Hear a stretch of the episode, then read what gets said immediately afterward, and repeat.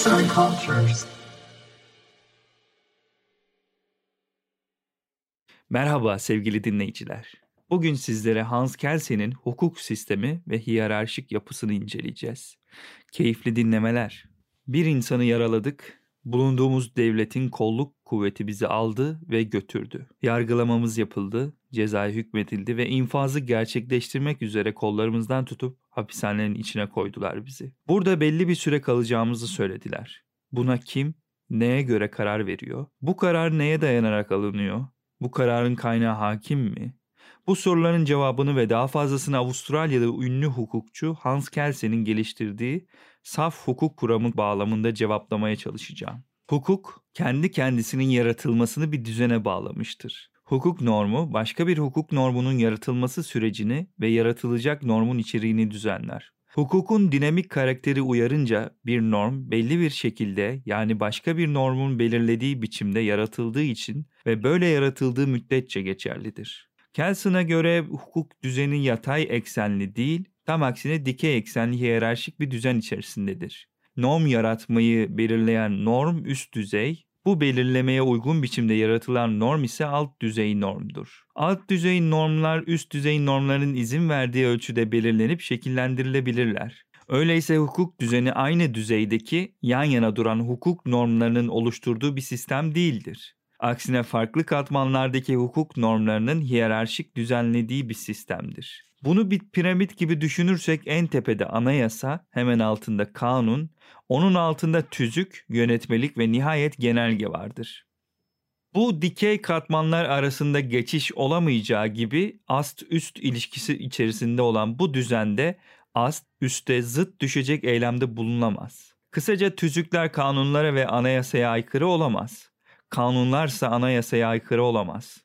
Bu yapının avantajları çok fazladır. Aynı zamanda tüm sistemin birliğini de sağlar. Bu düzen içerisinde anayasanın görevi hukuk yaratım sürecini bir arada tutup öngörülebilir kılmaktır. Anayasa genel hukuk normu yaratma işini parlamentoya bıraktığı gibi bu yasaların ayrıntılarının belirlenmesini bazı idari organların çıkaracağı genel normlara bırakır. Aynı zamanda anayasa nadir de olsa yasaların belli içerikte olmalarını engeller.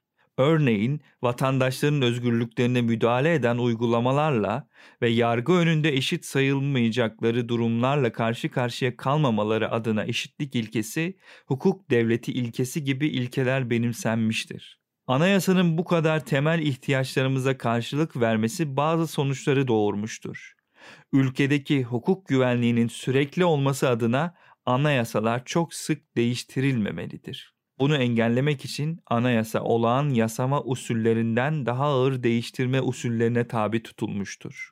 İlk baştaki somut olayda ceza yasasının neden geçerli olması gerektiği sorusunun cevabı anayasa öyle buyurduğu içindir.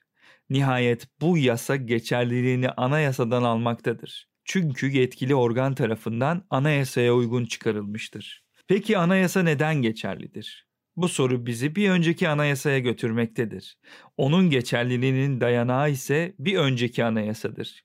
Açıktır ki bu şekilde bir kongre veya siyasi iktidar tarafından kabul edilmiş ilk anayasaya kadar gidilebilir. Bazen anayasa genel hukuk normu yaratma işini ilke olarak halkın çoğunluğunun seçtiği parlamentoya verir. Fakat yasaların ayrıntılarının belirlenmesini bazı idari organların çıkaracağı genel normlara bırakır yahut da anayasa bazen istisnai durumlarda parlamento yerine yürütme organını bütün gerekli normları veya bir kısmını çıkarmakla yetkilendirebilir. Normlar hiyerarşisinde anayasanın üstünde ise temel normlar vardır. Kelsey'nin ortaya koyduğu normlar hiyerarşisi kuramının en büyük ve eleştiriye açık olan kısmı ise tam bu noktadadır ve çok tartışılmıştır.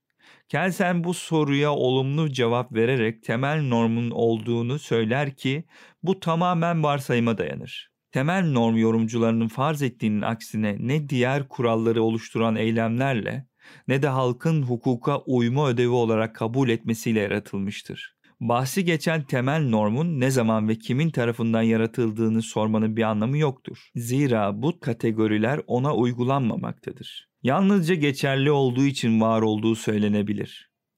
Kelsen temel normu kısaca şöyle formülleştirmiştir. Kişi anayasanın gerektirdiği gibi davranmalıdır. Peki anayasa bu meşruluğunu nereden alır?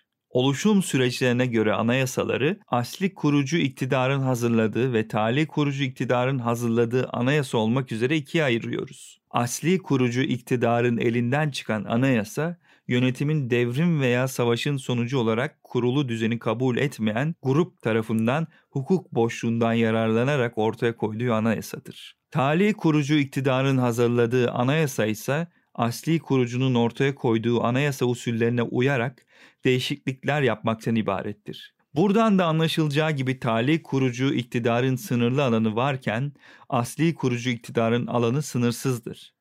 Anayasaların meşrutiyetini halkın sağladığı açıktır. Örneğin asli hukuku iktidara aday olan bir devrimci kitlenin hali hazırda devam eden monarşi yerine cumhuriyetçi bir hükümet biçimi getirmek amacıyla darbeye kalkıştığını varsayalım. Halkın çoğunluğu desteklemediği takdirde iktidar olamayacaklar ve aynı zamanda anayasasını oluşturamayacaklardır. Aksi halde halkın desteğini alıp kendi anayasasını yürürlüğe soktuğunu düşünürsek bir önceki gün suç olan maddi olay ertesi gün suç teşkil etmekten çıkmış olabilir. Buradaki meşrutiyet dolaylı yoldan halktan gelmektedir. Devrimle veya bir hükümet darbesiyle iktidara gelen hükümetin uluslararası hukuk çerçevesinde de meşrutiyetinin sağlanması aranır. Diğer devletler açısından bahsi geçen hükümet yürürlüğe koyduğu normlarla sürekli itiyati güvence altına alma kabiliyetine erişmişse meşru hükümet olarak tanınır. Kanunlarsa hali hazırda yürürlükte olan anayasaya aykırı çıkamıyor ancak bu yine de etkili kanunların çıkacağı anlamına gelmiyordur. Etkili olmayan normun varlığı bütün hukuk sisteminin geçerliliğini de etkilememektedir. Etkili olmayan hukuk normu geçerli bir hukuk sisteminin parçası olduğu için geçerliliğini korur. Sonuç olarak geçerli bir anayasa varsa ona bağlı olarak oluşan normlar için geçerli diyebiliriz. Buraya kadar soyut şeylerden bahsettik. Hüküm verme ise bu soyut zincirin son halkası. Soyut şekilde belirlenen maddi olaya yine soyut şekilde belirlenen normun uygulanmasının geçerlilik arz etmesi için bireyselleştirmeye ihtiyaç duyulur. İşte tam bu noktada devreye yargı erki girer. Mahkemenin eylemi göründüğü gibi genel normda zaten var olan hukuku dile getirmek değildir. Hüküm vermek tamamen inşai bir iştir. Bir diğer söyleyişle tam karşılığı hukuk yaratmaktır. Olay yerinde bulunan hakimin verdiği karar doğru olmayacaktır. Bunun sebebi hukuku inşa ederken istemeden de olsa taraflı davranmasıdır. Adalet tanrıçası olan Temis'in gözlerinin bağlı olmasının sebebi budur. Bu süreç tamamen aklidir, duyulardan bağımsız olmalıdır. Maddi olayın somut hukuki sonuçla ilişkilendirme işi tamamen yargı kararıyla yapılır. Kelsen'e göre bu süreç genel veya soyut hukuk normunun tekilleşmesi yahut somutlaşmasıdır. Yazan Baran Terzi, seslendiren Rıdvan Tüzemen